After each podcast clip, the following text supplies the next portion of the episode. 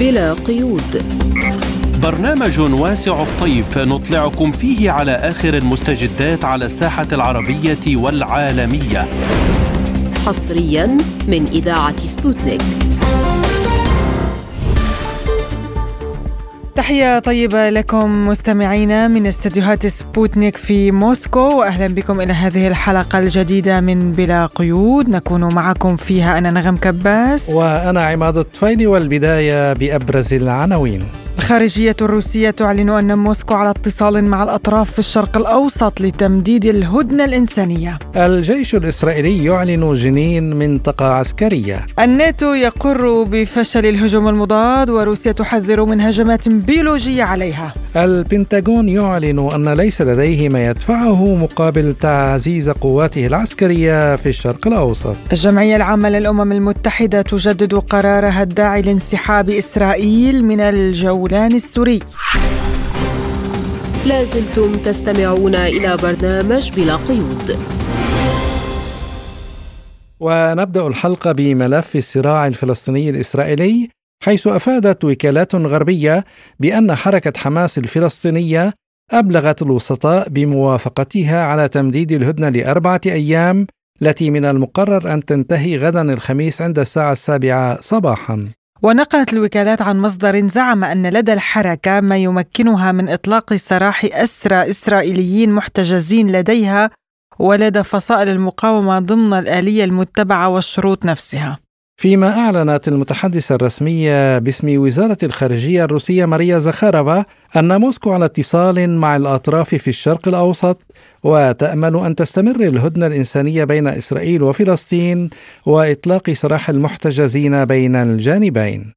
وللتعليق على هذا الموضوع ينضم إلينا من الخليل أستاذ القضية الفلسطينية الدكتور أسعد العواوي. أهلا ومرحبا بك دكتور أسعد في هذه في ضيفا عزيزا في حلقة اليوم من البرنامج. مساء الخير. ونسألك يعني في البداية قراءتك لما يجري حاليا على الساحة الفلسطينية فيما يخص الصراع الفلسطيني الإسرائيلي وإلى ما يمكن أن ينتهي إليه الأمر في الأيام القادمة برأيك. فيما يخص الصراع العدوان الإسرائيلي الأخير على الشعب الفلسطيني هو المستمر أيضا على الشعب الفلسطيني سواء في قطاع غزة أو في الضفة الغربية. نشوف إنه في الأيام الأخيرة ركز الاحتلال الإسرائيلي عدوانه على منطقة شمال الضفة الغربية. آه، انما يرى أن هناك في خلايا مسلحة مقاومة تشكل خطر عليه كما تشكل خطر المقاومة من قطاع غزة التي استطاع في 7 أكتوبر أن يضرب المنظومة بشكل استراتيجي المنظومة الأمنية والعسكرية والسياسية وإحداث فجوة كبيرة في المجتمع الإسرائيلي وعدم ثقة ما بين المجتمع الإسرائيلي والشعب في إسرائيل وقيادته الأمنية والعسكرية والسياسية التي كان يتغنى بها أنها هي أقوى آه، منظومة عسكرية أمنية سياسية في على صعيد المنطقة ومن المنظومات الأقوى على صعيد العالم. آه، فيما يخص الصراع أنا أعتقد أن آه، الأيام اللي بنعيشها والساعات القليلة القادمة سوف تحسم الأمور ما ستؤول إليه تطورات الأوضاع في العملية في العدوان الإسرائيلي على الشعب الفلسطيني بالتحديد في قطاع غزة. أنا أعتقد أن الأمور ذاهبة إلى عملية تبريد الإسرائيليين لكي يقبلوا في عملية وقف إطلاق نار دائم لما ترى به الولايات المتحدة الأمريكية التي هي تقود عمليه المفاوضات ما بين الإسرائيليين والفلسطينيين عبر قطر. طبعا مصر هي دورها ثانوي إلا أنها دورها لوجستيك كونها هي لها آه، تماس مع فلسطين في منطقة قطاع غزة.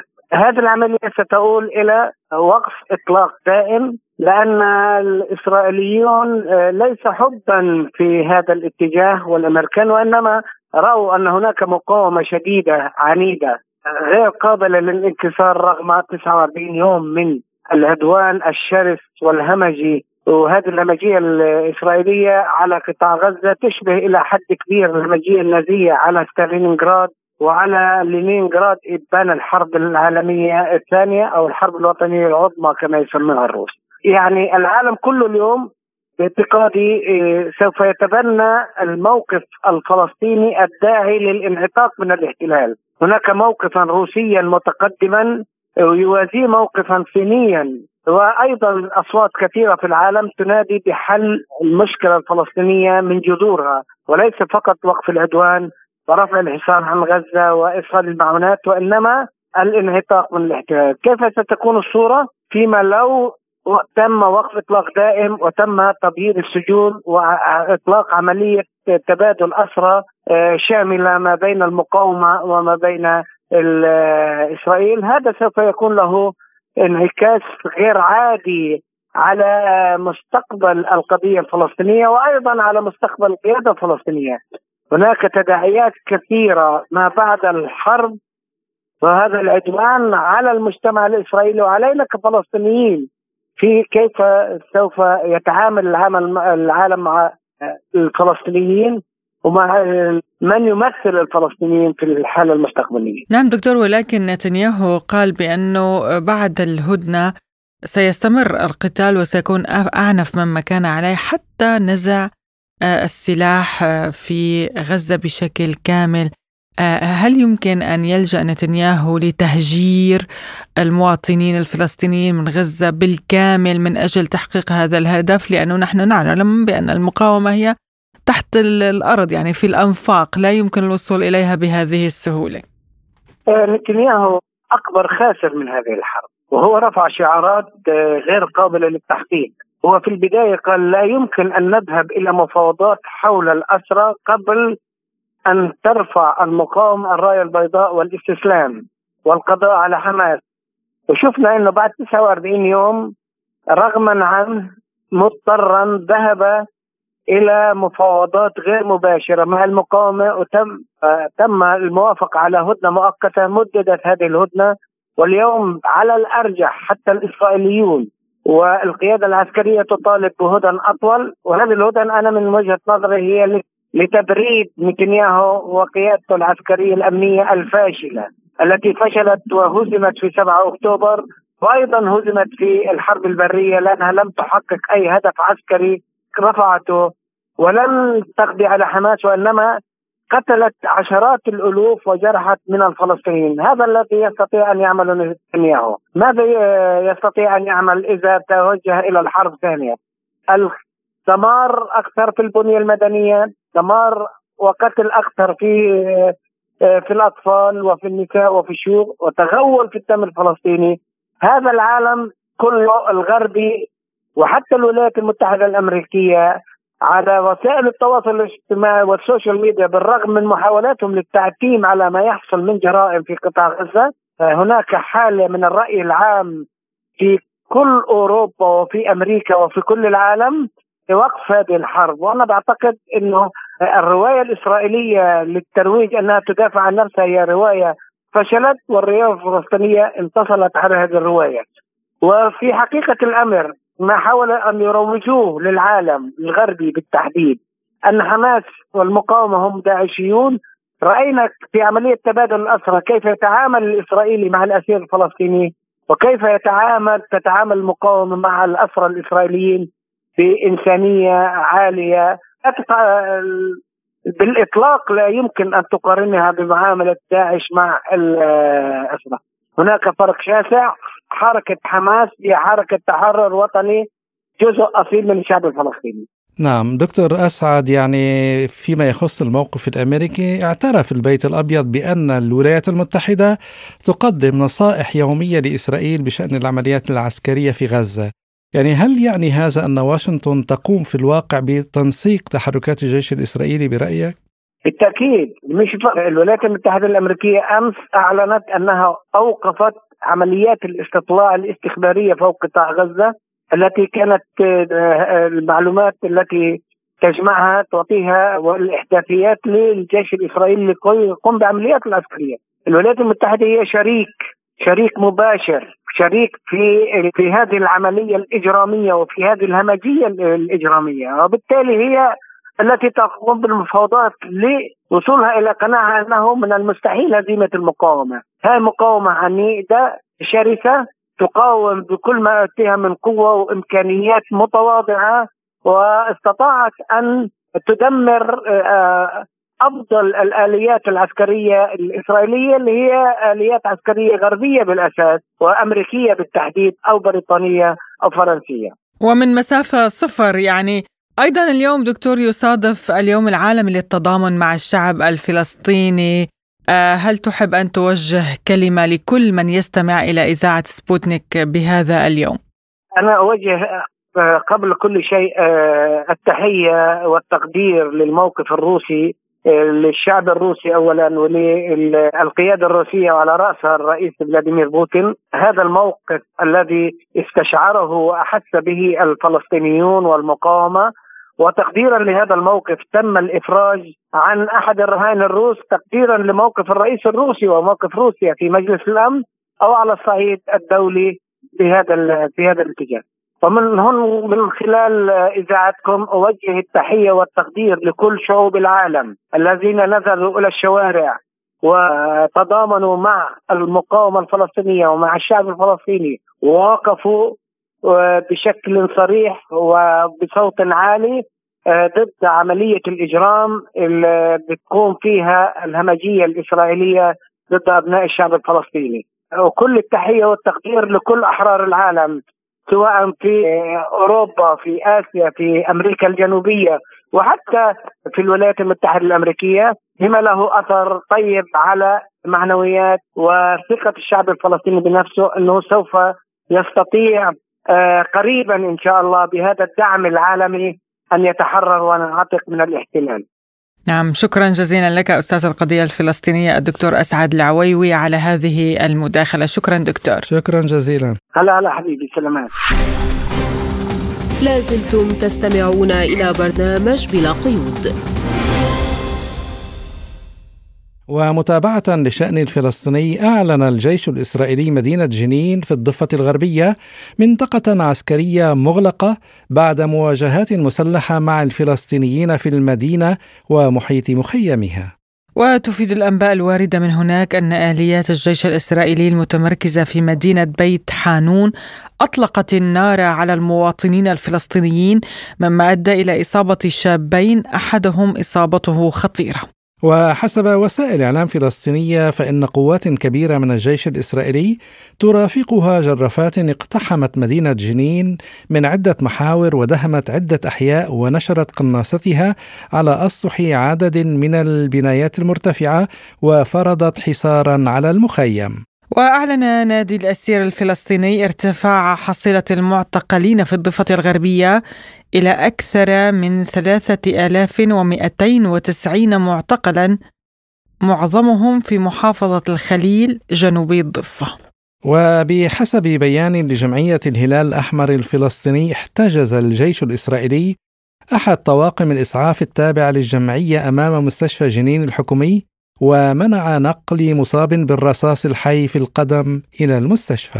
حول هذا الموضوع قالت القيادية الفلسطينية ماجده المصري لبرنامج بلا قيود على امتداد دعني أقول أكثر من عام وجنين بالاضافه لباقي المخيمات لكن مخيم جنين وجنين على وجه الخصوص مستهدف من قبل الاحتلال مستهدف المقاومة الباسلة في مخيم جنين يعني ما يجري هو اقتحامات تكاد تكون يومية ولعدة ساعات تترافق مع وجود جرافات وتدمير للبنية التحتية، الشوارع الرئيسية في مخيم جنين والمحيط مخيم جنين عمليا مدمرة بنيتها التحتية كما نشهد في آه، قطاع غزة، هذه سياسة للاحتلال، عدا عن الاعتقالات المتواصلة واللي في كلها الاعتقالات تجاوزت 3000 3200 معتقل من 7 أكتوبر حتى الآن والقتل لاستهداف القتل. بما فيه محاصرة مستشفى جنين حينما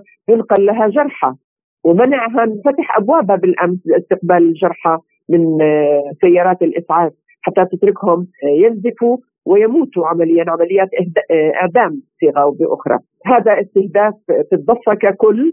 ومخيم جنين على وجه الخصوص أيضا كان كذلك الأمر خلال الأسبوع الماضي مخيم بلاطة في آه، نابلس. بالأمس أيضا مخيم عقبه جبر. باعتبار المخيمات بؤر ثورية بالنسبة لنا. بالإضافة للمدن طبعا والبلدات القديمة، البلدة القديمة في نابلس آه، كذلك الحال، مناطق رام الله، الخليل عمليا لم تتوقف عملية مداهمات والاغتيالات والاعتقالات آه، على امتداد الفترة السابقة يعني خلال تصاعدت على العكس آه، في فترة آه، العدوان على غزة كما تصاعدت المقاومة، طبعا المقاومة الباسلة عدد من الشبان يستشهدوا وهم في حالة مقاومة للاحتلال بالحجارة. يعني هاي عملية متواصلة وإحنا بالنسبة لنا نعتبر أنفسنا في حالة حرب مفتوحة مع هذا العدوان. وفيما إذا كانت تل أبيب تستخدم الهدنة المؤقتة في غزة لتكثيف عملياتها العسكرية في مناطق أخرى من فلسطين تقول السيدة ماجدة المصري. بالنسبة لها نعم تتكامل تستهدفها.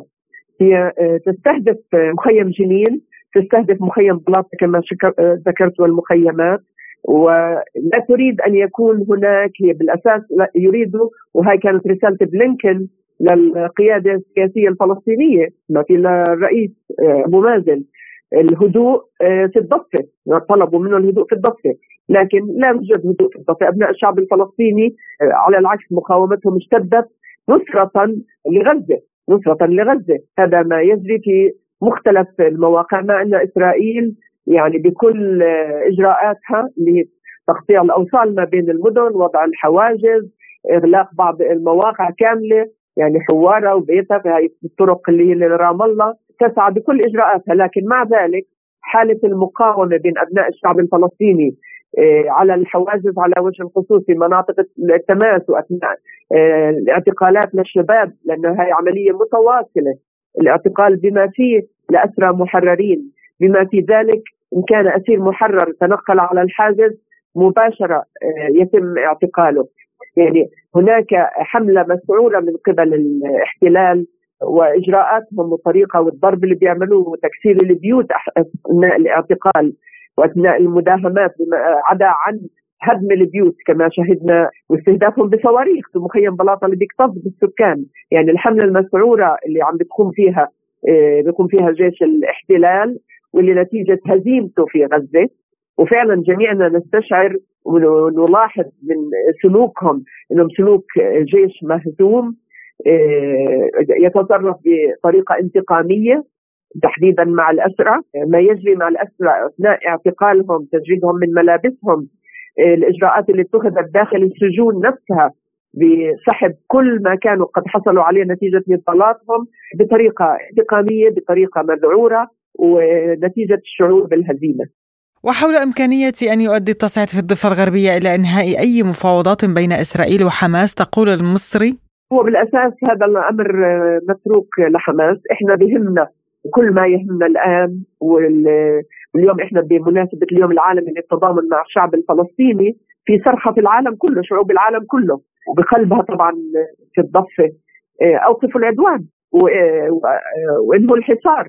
يعني وقف العدوان وإنهاء الحصار وإدخال المساعدات الإنسانية بما فيه الوقود والمساعدات الطبية لشعبنا آه، في غزة. هذا هو الأساس وهذا هو المطلب المباشر لجميع أبناء الشعب الفلسطيني، موضوع المفاوضات اللي بتقوم فيها حركة عم حماس هذا شأن حساس وخاص وداخلي عندهم.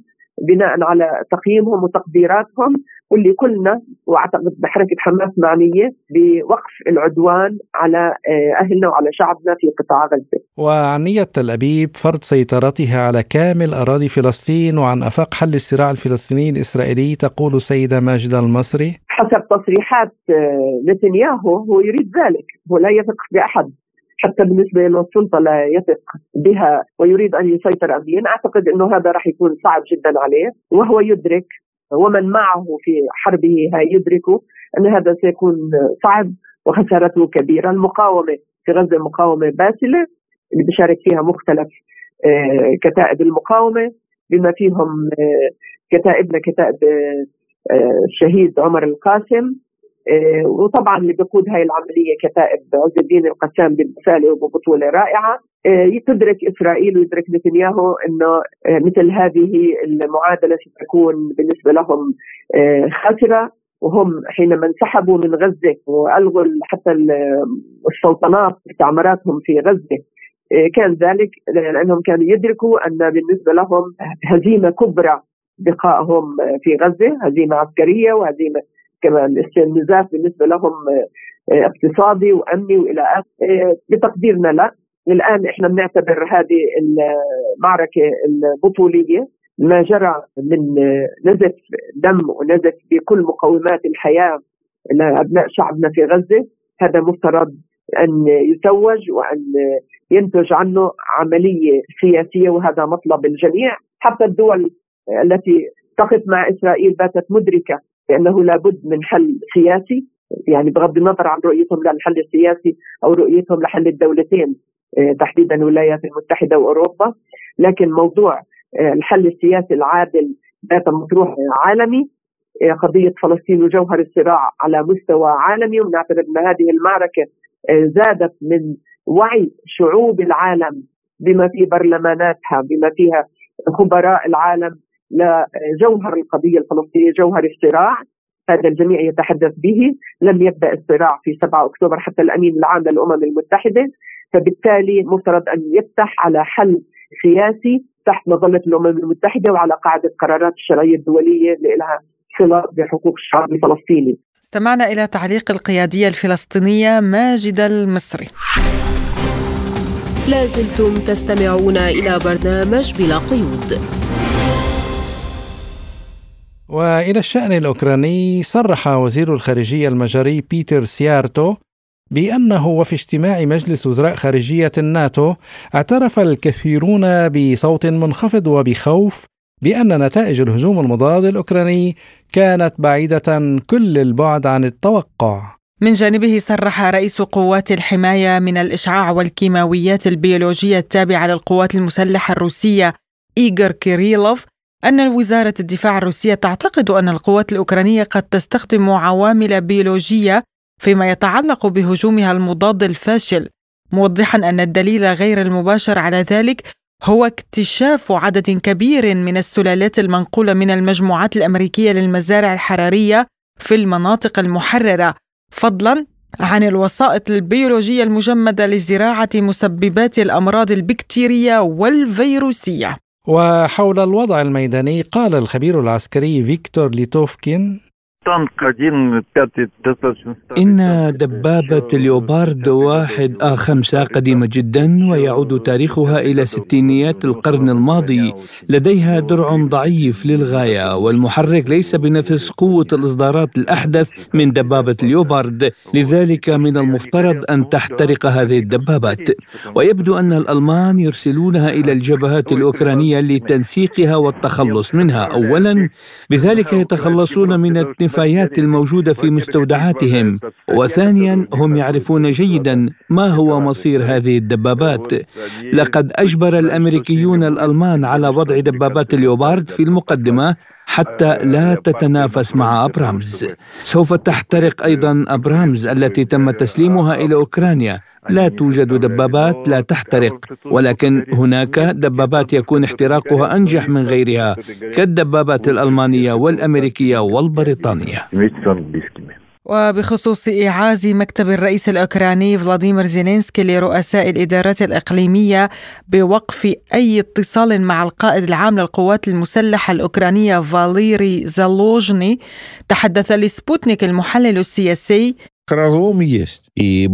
لقد حدث شرخ كبير ليس فقط بين زيلينسكي وزالوجني ولكن أيضا داخل القوات المسلحة الأوكرانية لأنه ليس كل شخص هناك يؤيد زالوجني الخاضع كليا للأمريكيين. علاوه على ذلك لا يوجد قائد على زالوجني الذي أصبح يمثل الصورة الجماعية وخلفه طاقم أمريكي وتخطيط عملياتي يتم تنفيذه على أساس المخابرات الامريكيه وهو ليس الوحيد هناك هناك شخص قوي إلى حد ما لا يزال يعول على زيلينسكي وهو قائد القوات البريه للقوات المسلحه الاوكرانيه الكسندر سيرسكي ويوجد هناك أيضا قائد المجموعه العملياتيه الاستراتيجيه الاوكرانيه التافريا الكسندر تورنافسكي والاهم من ذلك ان هناك اشخاصا يبدو انهم في القوات المسلحه الاوكرانيه لكنهم في الحقيقة هم من القوميين النازيين عندما يصل إلى السلطة الأشخاص المرتبطون مباشرة بالتسلسل الهرمي للجيش تكون دائما نهايتهم مأساوية. ولمناقشة هذا الموضوع ينضم إلينا عبر الهاتف الخبير بالشأن الروسي الدكتور محمود الأفندي. أهلا بك دكتور محمود في برنامج بلا قيود. أهلا وسهلا فيك سيدتي الكريمة وللأخوة المستمعين. يعني نبدأ من هذا الاعتراف الواضح من قبل الناتو بأن الهجوم المضاد قد فشل، كيف سيتصرف الناتو بعد هذا الفشل الذريع؟ آه، طبعا هناك عدة احتمالات ولكن احتمال الأقرب إلى الواقع هو البدء في ما يسمى التغيير في النخبة السياسية الأوكرانية يعني التغيير آه، ما يسمى يمكن الرئيس يمكن الأجهزة الأمنية هناك عدة احتمالات بحدوث تغيير حتى في شخصية الرئيس زيلينسكي إلى شخصية أخرى.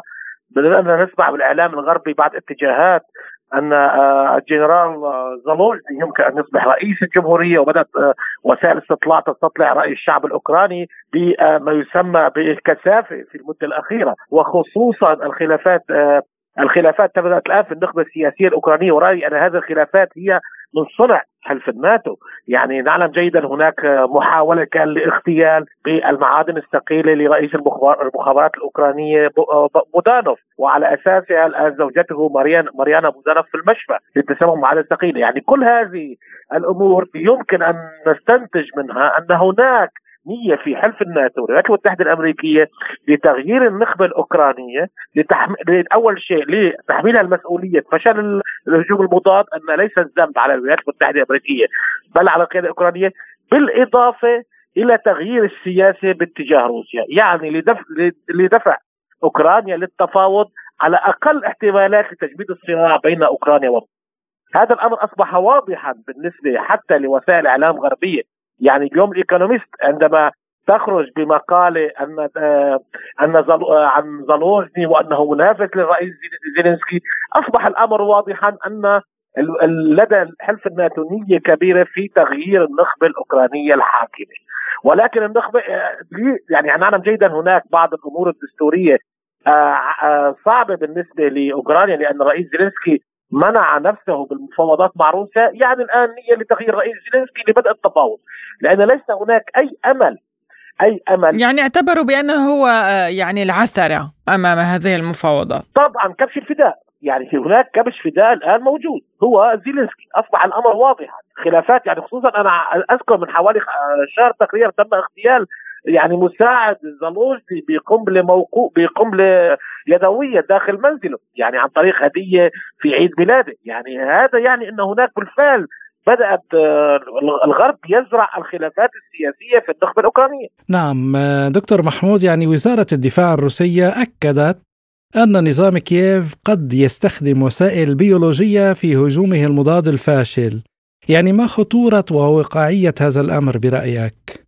أستاذ عماد واضح أن دائما المدرس هو الأساس يعني من مدرس أوكرانيا في حربها مع روسيا؟ الغرب الولايات المتحدة الأمريكية وبريطانيا. ولديهم يعني في حروبهم نعلم تاريخيا هناك أساليب تخريبية تعتمد عليها بشكل كبير، لذلك يمكن أن نتوقع أن آه، يمكن لأوكرانيا عن طريق آه، أوامر من الغرب للبدء بعمليات تخريبية للتغطية الاعلاميه على ما يحصل يعني نلاحظ آه، حتى اليوم يعني كان في هناك المخابرات الروسية أوقفت عملية إرهابية على سكة الحديد في موسكو، يعني أنا في رأيي الآن أن هناك قرارات من الغرب لبدء بعمليات تخريبية داخل روسيا بأيادي أوكرانية للتوجيه الإعلامي هذا أهم شيء والتو... وبالإضافة إلى زرع أيضا ضياء في الشعب الروسي تمت هذه العملية من الحكومة الروسية. ونعلم جيدا نحن على أبواب انتخابات في العام القادم في بداية العام القادم أعتقد في شهر مارس تبدا الانتخابات الرئاسيه في روسيا يمكن أن نقول آه، يمكن أن.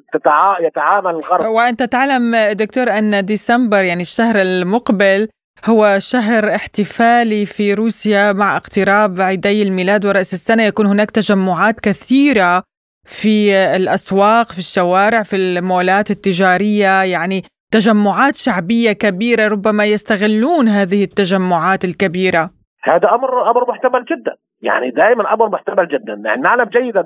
الأساليب النازية تستخدم. اساليب النازية هي والأساليب الإرهابية هي استخدام المواطنين لزعزعة الاستقرار. هذا أمر واضح. هي قرارات يعني تتخذ من المخابرات البريطانية والمخابرات الأمريكية لزعزعه الاستقرار. لأنه معركه أول شيء معركة الجبهة يلي المعاملين المعاكسة فشلت.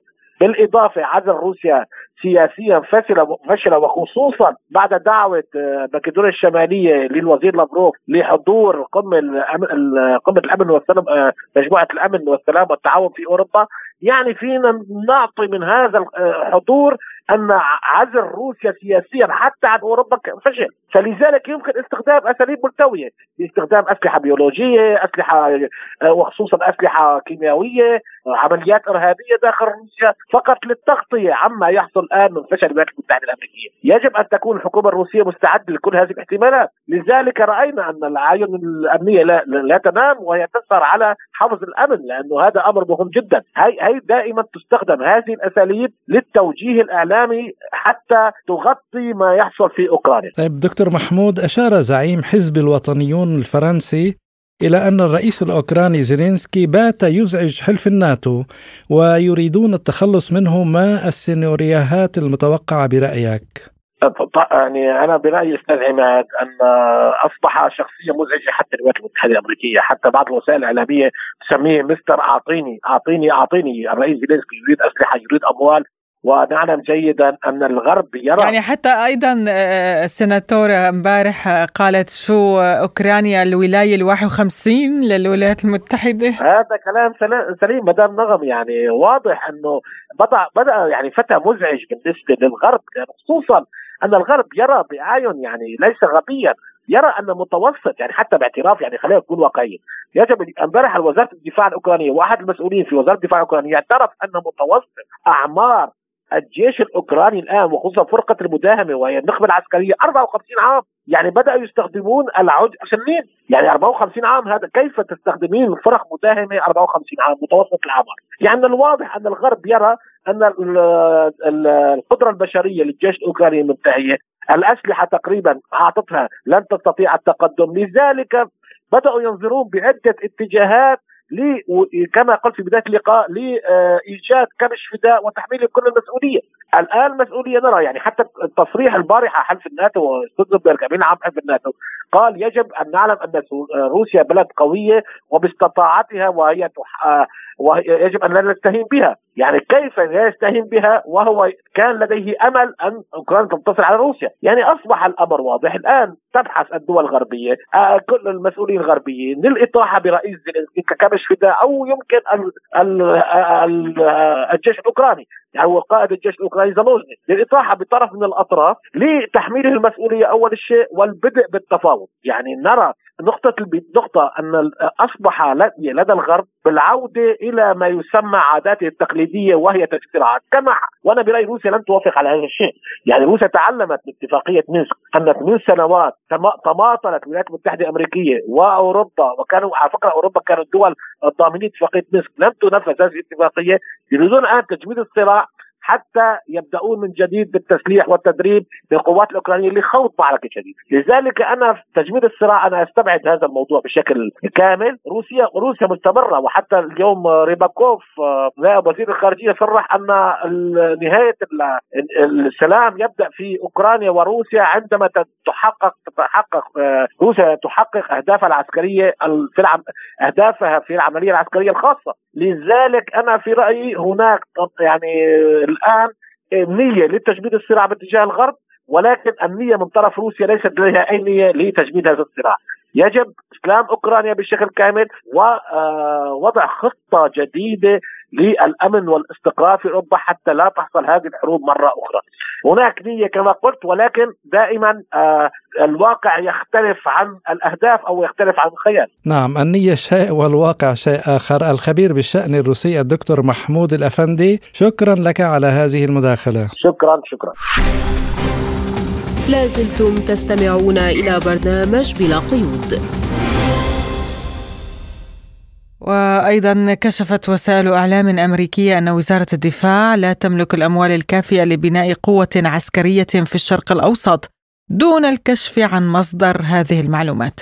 كما أن البنتاغون أمر على خلفية تصاعد الصراع الفلسطيني الإسرائيلي بإرسال مجموعة حاملات طائرات إضافية وأنظمة دفاع جوي وطائرات مقاتلة ومئات من القوات الأمريكية إلى المنطقة. لكن عدم التوافق في الكونغرس على مسألة الموافقة على التمويل للعام الحالي ناجم عن أن وزارة الدفاع الأمريكية لا تملك الأموال اللازمة لدفع تكاليف زيادة تواجد قواتها في الشرق الأوسط. وكما تفيد التقارير الإعلامية يتبين بأن البنتاغون لا يملك حاليا سوى أموال محدودة مخصصة ضمن ميزانية السنة المالية السابقة في حين لم يتم اعتماد ميزانية دائمة للعام الحالي بعد.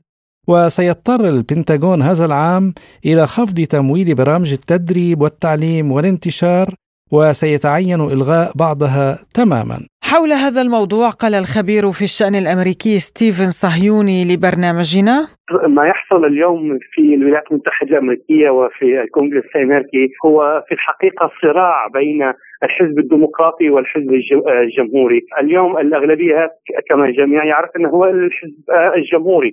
لذلك الديمقراطيين يريدون تمرير عدد من القوانين والتمويل ولكن الجمهوريين يرفضون ذلك. إنها معركة سياسية بين الطرفين والضحية الأكبر هي المواطن الأمريكي. وخاصة أن اليوم الولايات المتحدة الأمريكية هي على أبواب انتخابات رئاسية. المرشح الأبرز هو الرئيس الأمريكي السابق حتى الآن، لا يوجد حتى الآن منافس قوي له، آه، شعبية الرئيس الأمريكي الحالي جو بايدن هي في أدنى مستوياتها. وحتى الآن الحزب الديمقراطي لم يختار آه، لم يختار إن كان بايدن سيكمل. الحديث سيكمل ولكن لا يوجد هناك قرار سياسي من الحزب الديمقراطي من أجل استمرارية بايدن وخاصة في العمر السن الكبير له، لذلك هي صراع سياسي ما يحصل ويتم استخدام هذه المواضيع مواضيع التمويل آه، إن كان الميزانية العسكرية أو التعليم في لامور سياسيه، لذلك لا آه، لا أعتقد في الوقت الحالي وخاصة آه، التوتر الحاصل في منطقة الشرق الأوسط الولايات المتحدة الامريكيه ستسحب جنودها من الشرق الأوسط. وحول احتمال أن يضعف هذا الأمر موقف الولايات المتحدة سياسيا وعسكريا يقول صهيوني أكيد وهو الموقف الولايات المتحده الامريكيه يضعف في السنوات الأخيرة تدريجيا وعندما نرى حلفاء الولايات المتحدة الأمريكية يذهبون إلى الشرق ويعقدون صفقات وتبادل تجاري ضخمة وتوقيع اتفاقيات وعقد مصالح جديدة مع أعداء الولايات المتحدة الأمريكية كالصين وروسيا وعدد من الدول في كما يقولون المعسكر الشرقي. آه، هذا آه، ضعف للولايات المتحدة الأمريكية وأمريكا بدات تخسر نفوذها. عندما نرى السعودية تجلس مع إيران برعايه صينية هذه أمريكا هي الخاسر الأكبر. وهناك كثير من الملفات وخاصة ما يحصل اليوم في الشرق الأوسط في قطاع غزة وخساره الكيان الاحتلال الإسرائيلي لهذه الحرب. أيضا هو خسارة للموقف والنفوذ الأمريكي في المنطقة. وفيما إذا كان نقص الأموال سيجبر الإدارة الأمريكية على إعادة النظر في موقفها من عدد من قضايا الشرق الأوسط. يقول صهيوني ما يحصل اليوم في قطاع غزة وثبات فصائل المقاومة الفلسطينية بوجه العدوان الإسرائيلي أجبر الولايات المتحدة الأمريكية وأجبر حلفائها الأوروبيين بالحديث بجدية عن حل الدولتين، آه، اليوم نسمع عن عن اقتراح حل الدولتين. لم نكن نسمعه في الحروب السابقة، اليوم هناك اقتراح جدي وهناك ضغط من قبل الولايات المتحدة الأمريكية وإدارة الرئيس جو بايدن على رئيس الوزراء الإسرائيلي بنيامين نتنياهو على من أجل الموافقة على حل الدولتين، ولكن ما يمنع دولة الاحتلال مع كيان الاحتلال نتنياهو هو حلفائه بن جافير ولقيد اليمين المتطرف لا يريدون حل الدولتين. لذلك أمريكا اليوم آه، حل آه، الدولتين تتحدث به بشكل كبير وتضغط على كيان الاحتلال من أجل آه، الموافقة على حل الدولتين، لأن اليوم الرئيس الأمريكي بايدن يواجه ضغوط كبيرة، اولا الضغط لأن الانتخابات الأمريكية على الأبواب ويريد أي نصر إن كانت سياسيا أو عسكري عسكري من أجل الفوز مرشح الحزب الديمقراطي بالرئاسة بالرئاسة الأمريكية، ورقم اثنين هو المجتمع الأمريكي ورأيناهم في وسائل الإعلام ذهب إلى الشوارع نصرة لأهل غزة، رأيناهم في واشنطن وفي كاليفورنيا وسان فرانسيسكو وعدد من الولايات وبأعداد ضخمة جدا، المجتمع الأمريكي اليوم آه، لم ليس كما كما السابق، ما تقوله الوسائل الإعلام الامريكيه يصدق، اليوم رأينا الشعب الأمريكي استيقظ وهو ضد دعم دولة كيان الاحتلال الإسرائيلي بأموال الأمريكيين آه، لقتل الأبرياء في غزة، لذلك الرئيس الأمريكي سيكون موقفه صلب لأن يواجه ضغوط كبيرة إن كان من الشارع الأمريكي أو من أجل الانتخابات. استمعنا إلى الخبير في الشأن الأمريكي ستيفن صهيوني. لازلتم تستمعون إلى برنامج بلا قيود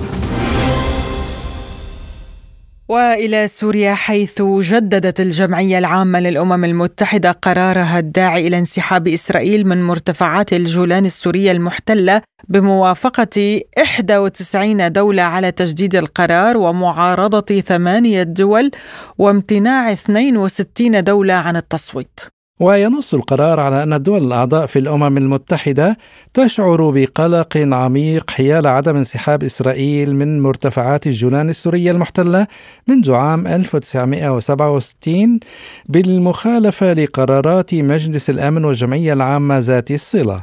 ويشدد القرار أيضا على عدم مشروعية بناء مستوطنات إسرائيلية وأنشطة أخرى في مرتفعات الجولان السورية المحتلة منذ عام 1967 وحذر مندوب روسيا الدائم لدى الأمم المتحدة واسيلي نيبينزيا من أن سوريا وجيرانها في المنطقة على وشك الانجرار إلى الصراع الفلسطيني الإسرائيلي قائلا يتفاقم الوضع الصعب في سوريا بسبب التصعيد الحاد للصراع الفلسطيني الإسرائيلي مثل بقية جيرانها في المنطقة. وتتأرجح فعليا وهي على وشك الانجرار إلى مواجهة واسعة النطاق. روسيا تدين بشدة الضربات الإسرائيلية على سوريا وهذا يعد انتهاكا صارخا للسيادة والقواعد الأساسية للقانون الدولي.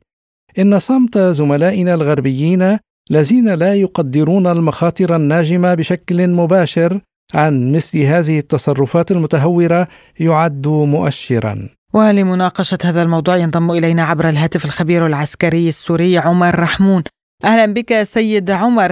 نبدأ من هذا القرار يعني ما تأثيره وما أهميته أمام رفض إسرائيل تنفيذه؟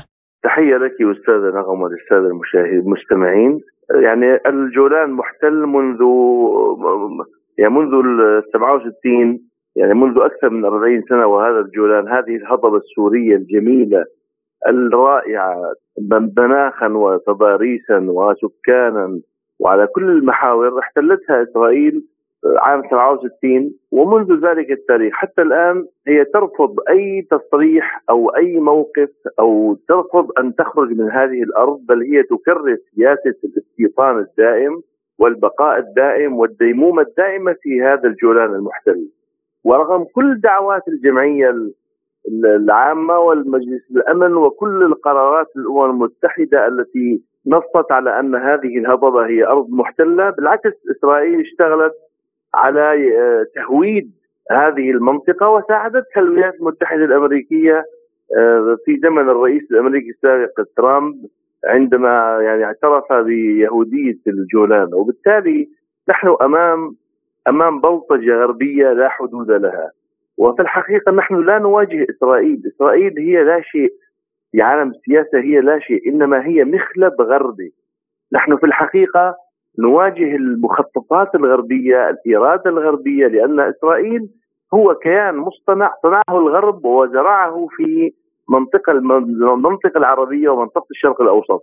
وبالتالي طالما الغرب هو المهيمن والمسيطر على قرارات مجلس الأمن والجمعية العامة وكل ما تفرع من هذا من هذا المجلس أو من هذه الجمعية سيبقى ستبقى هذه الجمعية وسيبقى هذا المجلس رهين الإرادة الغربية ورهين المخططات الغربية ورهين الرغبات الغربية التي تأسست إسرائيل على أساس هذه الرغبات وهذه الكيانات. بكل تأكيد سوريا رفضت الآن وترفض سابقا الاحتلال وما تفرع عنه وسيظل الموقف السوري متشبثا بحقه باستعادة أرضه وتحرير أرضه كما أن إسرائيل المعتديه المحتله الغازيه متشبثه برأيها بالبقاء في هذه الأرض. بكل تأكيد استمرار هذين الموقفين الموقف السوري الراصد للاحتلال والموقف الإسرائيلي الغربي الداعم والمستمر في الاحتلال سيظل هذان الموقفان متصادمان حتى تؤون يؤون الأوان أو حتى تحين الفرصة أو حتى تكون هناك فرصة لسوريا من تحالفها مع مع الشرق مع روسيا مع الصين مع إيران مع بعض الدول العربية آه، إلا لابد أن يأتي يوم أو يأتي ظرف يساعد سوريا على تحرير هذا الجولان. هل يشكل هذا القرار ورقة ضغط على إسرائيل في وقت تشن فيه حربا على قطاع غزة؟ بكل تأكيد يعني آه، يعني قرار الجمعية العامة آه، القاضي بانسحاب إسرائيل من الجولان السوري. يعني في الحقيقة أنا هنا عندما أريد أن أعلق على هذا الموضوع وكانني اعلق على تصريح ناشط سياسي أو أعلق على يعني شخص ليس له قرار. فهذا القرار هو في الحقيقة ليس ملزما. وما تعلمين ويعلم الجميع بأن قرارات الجمعية العامة هي قرارات غير ملزمة وهي يعني تكون قرارات لها طابع إعلامي أكثر منها يعني طابع تنفيذي أو طابع ملزم للجانب الإسرائيلي. كما تعلمين بأن الملف السوري في الحقيقة منفصل تماما أو مو ليس بالمطلق عن عن الصراع الإسرائيلي في غزة بل هو تقريبا شبه مفصول أو منعزل لأنه كما هو معروف الاستهداف الإسرائيلي لسوريا هو لم يبدأ ببدء المعركة في غزة ببدء ب 7 أكتوبر العدوان الإسرائيلي على غزة هو منذ سنوات مستمر كان كان قبل العدوان وأثناء العدوان بقي القصف مستمرا وبعد حتى عند باثناء الهدنة يعني الهدنة شملت آه، آه، قطاع غزة فقط.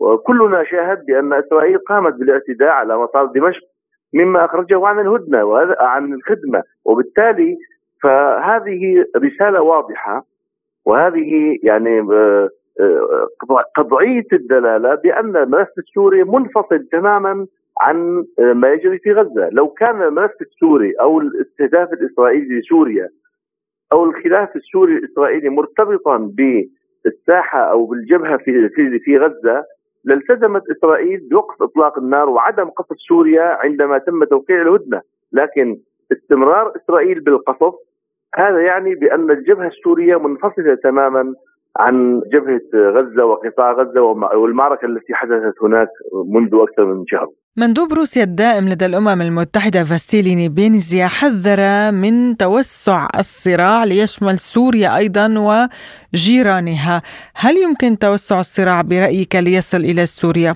يعني في الحقيقة الموقف الروسي والموقف الصيني هو موقف واضح جدا بالوقوف إلى جانب الحق وإلى جانب الدول المظلومة والمعتدى عليها كسوريا ولبنان وفلسطين.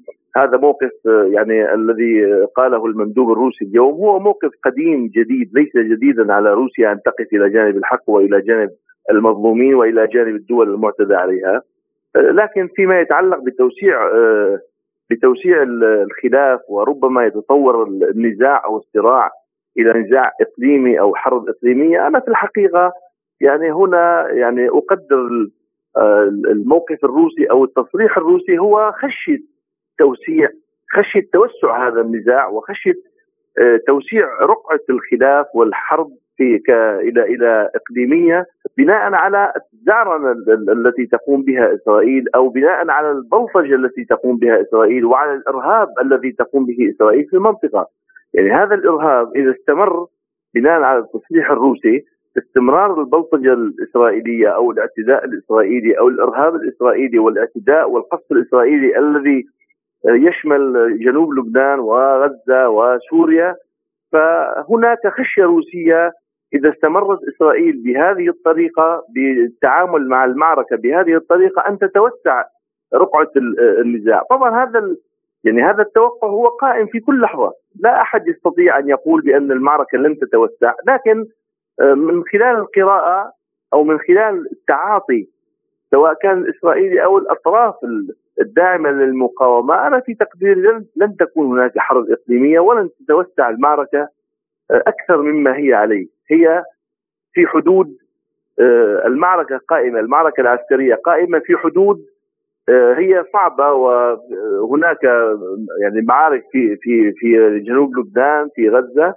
حتى استهداف لسوريا لكن لا أرى بأن هذه المعركة ستتوسع وتكون معركة إقليمية، وإن كانت الخشية قائمة والتوقع قائم والاحتمال قائم بشكل دائم هناك احتمال في آه، توسيع رقعة هذا النزاع بانتقال المعركة من معركة في غزة إلى معركة إقليمية، لكن أنا في تقديري المعركة حتى الآن هي في حدود جبهات معينة ونقاط محددة ولا أرى بأنها ستنتقل إلى حرب إقليمية. روسيا تدين بشدة الضربات الإسرائيلية المتكررة على سوريا وتحمل الغرب المسؤولية ورغم رفع الصوت في مجلس الأمن إلا أن إسرائيل تستمر بممارساتها دون رادع ألا يوجد من يردع إسرائيل في المجتمع الدولي برأيك؟ بكل تأكيد يعني أنا في الحقيقة هنا يعني الصوت الروسي المرتفع في مجلس الأمن أو في المحافل الدولية هو شيء مهم جدا لكن أنا كسوري الآن وعلى لسان الكثير من السوريين نحن في الحقيقة نرغب إلى جانب الصوت العالي والمرتفع للأصدقاء الروس في مجلس الأمن. نحن بحاجة إلى تدعيم المطار دمشق أو المنطقة الجنوبية بدفاعات جوية قادرة على حماية هذه المنطقة، الكل يعلم الأصدقاء الروس و والصينيون والغرب والشرق والكل العالم بات يعلم بأن هذا العدو الإسرائيلي لا يردع لا لا يقف عند حده بالكلام أو بالتصريحات السياسية أو بالخطابات أو بالكلام في مجلس الأمن إنما يردع ويرتدع بالقوة فقط والقوة وحدها هي التي توقف إسرائيل ومن والغرب من خلفها عند حدودهم. وكلنا شاهدنا منذ 48 حتى الآن منذ بداية الاحتلال الإسرائيلي لفلسطين وبعد ال 67 بعد احتلال هضبه الجولان يعني هناك تصريحات وقرارات بمجلس الأمن ليس فقط تصريح إنما قرارات بمجلس الأمن لم يلتزم بها العدو الإسرائيلي ولا الغرب الذي يدعمه. إنما المعركة مستمرة والإعتداء مستمر والإحتلال مستمر والانتهاكات مستمرة، أنا في تقديري نحن الآن إضافة إلى الصوت المرتفع، الصوت الروسي المرتفع في مجلس الأمن، أنا أقول عبر هذه القناة الروسية المحترمة نحن بحاجة إلى آه، مضادات ودفاع جوي قوي لكي يقوم هو بردع هذا العدو إن لم يرتدع بالتصريحات السياسية وإن لم يرتدع عبر آه، الوقت مجالس الأمن فيمكن أن نردعه بالقوة وبالدفاع الجوي المتطور الذي تملكه روسيا وبإمكانها أن تمد صديقتها سوريا بهذا الدفاع. الخبير العسكري عمر رحمون كنت معنا عبر الهاتف من دمشق شكرا لك على هذه المداخلة. لازلتم تستمعون إلى برنامج بلا قيود. وفي الاقتصاد أكد رئيس جنوب إفريقيا السابق سابو مبيكي أن روسيا والدول الإفريقية يواصلون التعاون الوثيق لإنشاء مناطق التجارة الحرة كما أن القارة مهتمة بتطوير التعاون في مجال الطاقة مع موسكو. وقال مبيكي نحن نعمل بالفعل على إنشاء مناطق للتجارة الحرة بين الاتحاد الروسي والدول الإفريقية وهذه العملية تتطلب تكاملا أوثق وأنه لضمان حرية حركة الأشخاص والبضائع في القارة من الضروري بناء السكك الحديدية وتنظيم الطرق الجوية والبحرية. وأشار إلى أن الطاقة تلعب دورا رئيسيا في تطوير البنية التحتية في البلدان الإفريقية وإن روسيا بحاجة إلى النظر في إمكانية إرسال قوات حفظ السلام إلى أفريقيا لأنه يجب ضمان السلام والأمن في القارة الأفريقية على حد قوله. حول هذا الموضوع قال أستاذ الاقتصاد الدكتور عبد القادر سليماني لبلا قيود. إن إنشاء منطقة حرة اقتصادية بين جنوب إفريقيا وروسيا له أهمية كبيرة. وانعكاسات على البلدين وانعكاسات حتى آه، على الاقتصاد آه، الدولي. فمن إفرازات اجتماع البريكس وتوسيع اعضائه آه، خصوصا بعد قمة جوهانسبورغ يتجلى اليوم أن روسيا ماضية في تنويع شراكاتها الاقتصادية بما يحفظ مصالحها مصالحها ومصالح شركائها الاقتصاديين وجنوب إفريقيا. تعتبر ثاني أكبر اقتصاد في إفريقيا وهي منطقة استراتيجية لأنها تأتي آه، متواجدة في أقصى جنوب إفريقيا القارة الإفريقية وهي منطقة عبور للسلع آه، ومنتوجات والسلع خصوصا النفطية. ويتمتع اقتصاد جنوب إفريقيا على أنه الأكثر تطورا وأكثر تنوعا وأكثر تصنيعا وهو اليوم بحاجة إلى التكنولوجيا وبحاجة إلى المواد الأولية التي تأتي من روسيا. وبالتالي سيكون هناك تحالف اقتصادي بين الدولتين العملاقتين روسيا وجنوب إفريقيا وستتحول هذه المنطقة الحرة في جنوب آه، إفريقيا إلى منطقة منتعشة تجاريا واقتصاديا وكل هذا سيعود بالفوائد الكبيرة على الحركة التجارية من وإلى روسيا وجنوب إفريقيا وستكون هناك استثمارات مباشرة وستتحول المنطقة الحرة بين جنوب إفريقيا وبين روسيا إلى مركز اقتصادي ومركز إشعاع ومركز استقطاب استثمارات كبيرة جدا. وحول توفر البنى التحتية اللازمة لإنشاء هذه المنطقة أضاف سليماني نعلم أنه جنوب إفريقيا تخطط لاستثمار أكثر من 48 مليار دولار في الثلاث سنوات القادمة في آه، في البنى التحتية والإنشاء وكذلك تعزيز منظومتها في النقل واللوجستيك وإنشاء موانئ كبيرة تسع لاستضافة واستقطاب السفن البحرية الكبرى الناقلة للنفط والغاز والسلع والمنتوجات وكذلك ستشرع في تجسيد خطة خطة التنمية الوطنية في آفاق 2030 لتعزيز شبكة الطرق وشبكة السكك الحديدية. إذا جنوب إفريقيا لديها الموارد المالية وتسعى لاستقطاب استثمارات كبيرة خصوصا من الجانب الروسي لتعزيز